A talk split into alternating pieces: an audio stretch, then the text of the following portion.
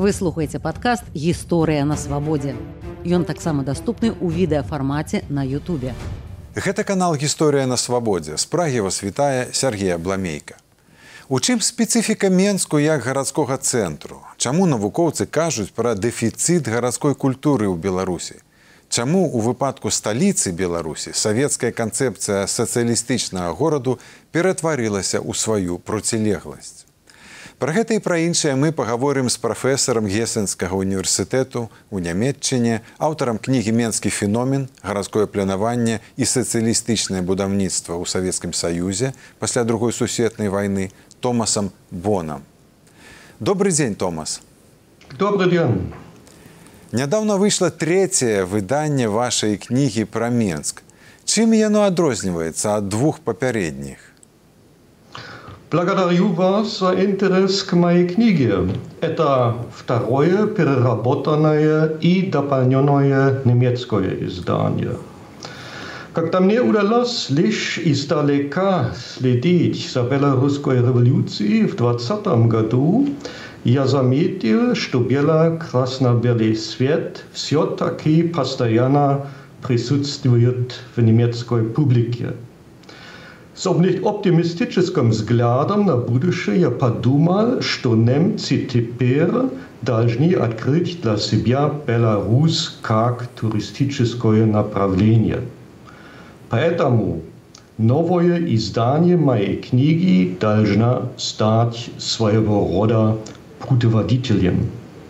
Я сделал ее более популярной и добавил взгляд на настоящее – если название первоначального издания 1908 года гласило «Образцовый город социализма», то новое издание 2022 года – это «Город-герой».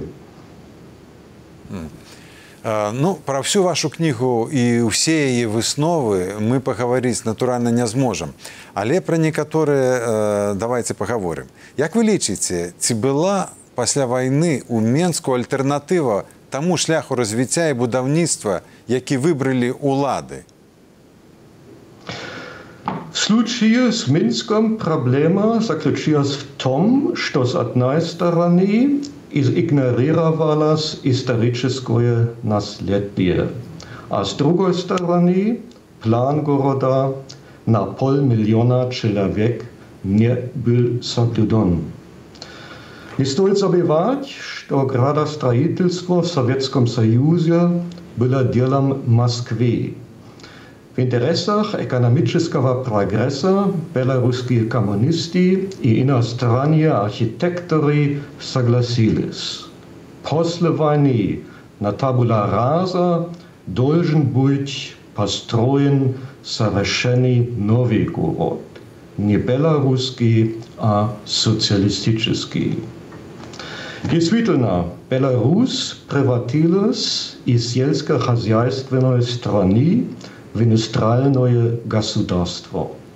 В то время, как все ресурсы были сосредоточены на столице, развитие провинции отставало.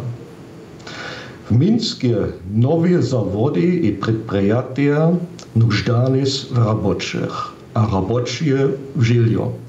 Этим объясняется быстрый рост города – но также и многочисленные недостатки в повседневной жизни.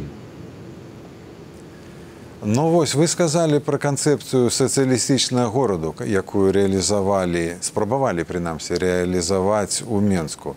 А што это такое? Вы можете коротко рассказать? Да, в марксизме-ленинизме социалистический город представляет собой кантамодель капиталистического города. Однако четкого определения не существует. Сегодняшней точки зрения лучше всего говорить о городе при социализме. Речь идет о перестройке исторических городов и основании новых городов. После того, как утопические эксперименты 20-х годов были отставлены, советское градостроительство после Второй мировой войны следовало генеральному плану Москвы. Это просто означало осевую кольцевую структуру в планировке улиц и зональное деление районов – для производства, жилья и отдыха.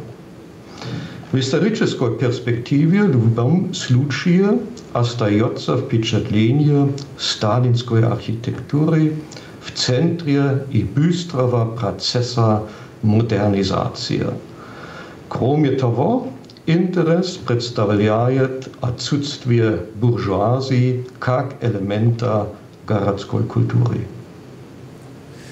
І я чытаў конечно вашу кнігу і памятаю што вы робіце выснову што канцэпцыя сацыялістычнага гораду ў менску у часы брежнева это значыць у 60 70 гады мінулага стагоддзя страціла сэнс фактычна пацярпела крах чаму до 60-х годов идеальный размер социалистического города в Советском Союзе – составлял 200 тысяч жителей.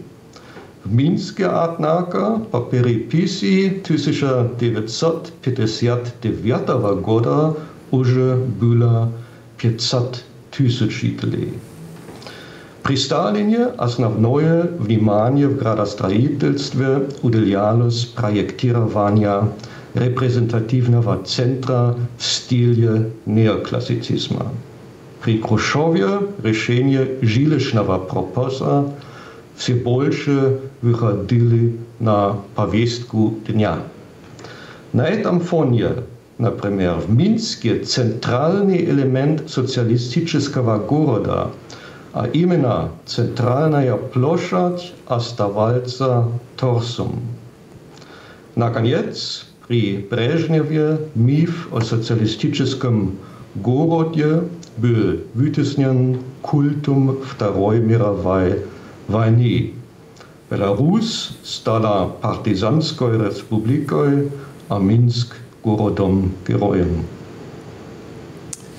ведаеце э, все ж э, э, у беларускім грамадстве і існуе вялікая цікавасць да менску і сярод інтэлігенцыі і таму вот цікава паразважаць пра ваши тэарэтычныя высновы бо ў кнізе ёсць тэрмін фобія урбаннасці вы пішаце што савецкія архітэктары кіраваліся лёзунгам сацыялістычнай гігіены шляхам рассяроджвання пабудоваў і, і э, сацыяльная гігіена і што гэты лёзан супярэчыў заходнееўрапейскай канцэпцыі гораду урбанізацыі пры дапамозе павелічэння шчыльнасці? Ну мы ведаем што заходнія гарады яны вельмі шчыльныя шчыльна забудаваныя і вот калі паглядзець на цяперашнія заходнія гарады то ўсе яны растуць у шыркі і маюць так званыя мікрараёны на ўскраінах это і Париж, і Мюнхен. Всюды ёсць жытловая, жыллёвая забудова, шматкватэрныя дамы. Можа, тут няма супярэчнасці. Даваенны Менск таксама меў высокую канцэнтрацыю дамоў людзей у цэнтры. А, а пасля это все было разбурана. Можа, проста Менс сутыкнуўся з імклівым наплывам насельніцтва, звязаным ну, з этой пасляваеннай індустрыялізацыяй. Вы правы в своей книге я ссылаюсь на Макса Вебера и Луиса Вирта. Согласно Веберу, окцидентальный город характеризуется либерализмом и автономией. Согласно Вирте, городской образ жизни основан на индивидуализм и космополитизме. Мы говорим здесь об артикуляции буржуазной культуры и форумов гражданского общества. Маркс и Энгельс, напротив, рассматривали большие города как проблемные места. В советских дебатах о капиталистическом городе речь шла о ликвидации трущоб – Цель заключилась в том, чтобы обеспечить дом для пролетариата и изгнать буржуазию. Если мы сравним процессы урбанизации после Второй мировой войны на Востоке и Западе, то действительно обнаружим поразительные параллели. Однако одним из главных отличий, как мне кажется, является щедрое использование общественных пространств при социализме. Это особенно верно для Минска. Более того, быстрый рост города не без оснований называют минским феноменом. А, у першым выданні кнігі вы пісалі пра дэфіцыт гарадской культуры ў Беларусі. Вельмі цікавая выснова. Як вы лічыце, ці пераадолены гэты дэфіцыт гарадской культуры ў наш час? Двадцатый год оказался для меня чудом во многих отношениях. С одной стороны, бело-красно-белая революция обеспечила разделение государства и общества. С другой стороны, с массы смогли оживить огромные городские пространства.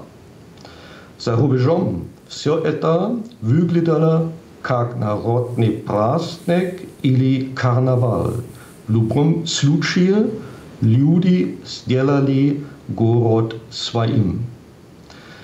Если проследить за развитием событий 2010-х годов, то такое течение, как новая урбанистика, уже прошло в Минск. Что касается моего собственного опыта, то примерно в 2000 году я всегда удивлялся, почему в городе где есть велосипедный завод, нет велосипедистов. Потом это постепенно изменилось. В 2020 году творческая сила народа появилась в полной мере. Если андеграундная культура в настоящее время уже не может развиваться, то остается сфера глобальной коммуникации. І яшчэ ў мяне да вас такое ну неверагоднае пытанне. Ці можа на вашу думку аблічча гораду ўплываць на псіхіку, культурны ўзровень і палітычныя погляды яго жыхароў. Іншымі словамі, як аблічча сённяшняга Менску ўплывае на менчукоў? На первый взгляд Минск удивляет размером свар улиц и площадей. Место встреч и знакомства становятся очевидными только со второго взгляда. Сегодня мы видим, что тип советского человека постепенно уходит со сцены, и новое поколение берет на себе наследие партизан. Я надеюсь, что это приведет к возрождению белорусской культуры и новому этапу политической трансформации. Если население вспоминает гражданские добродетели старого дореволюционного Минска, оно должно вспомнить и еврейское наследие. В любом случае трудно давать советы большому миру из провинции. Я люблю малые масштабы. В городе с двух миллионом населением можно потеряться. Мой родной город Гисен совсем небольшой, но он называет себя университетским городом. У него есть еще одна особенность. Вот уже более 150 лет здесь ежегодно собираются курорты 50-летних, которые образуют ассоциации. Помимо досуга здесь выражается и гражданская ответственность. Возможно, это и модель для города-героя Минска. Дякую, Томас, за гутарку. Спасибо вам. На сувязі быў прафесор гесенскага універсітэту ў нямметчане аўтар кнігі менскі феномен гарадское пленаванне і сацыялістычнае будаўніцтва ў савецкім саюзе пасля другой сусветнай вайны томас бон у празе для вас працаваў сергея бламейка гэта канал гісторыя на свабодзе выслухали подкаст гісторыя на свабодзе подписывайтеся глядзіце і слухайце ў Ютубе і на ўсіх падкаст платформах кожны тыдзень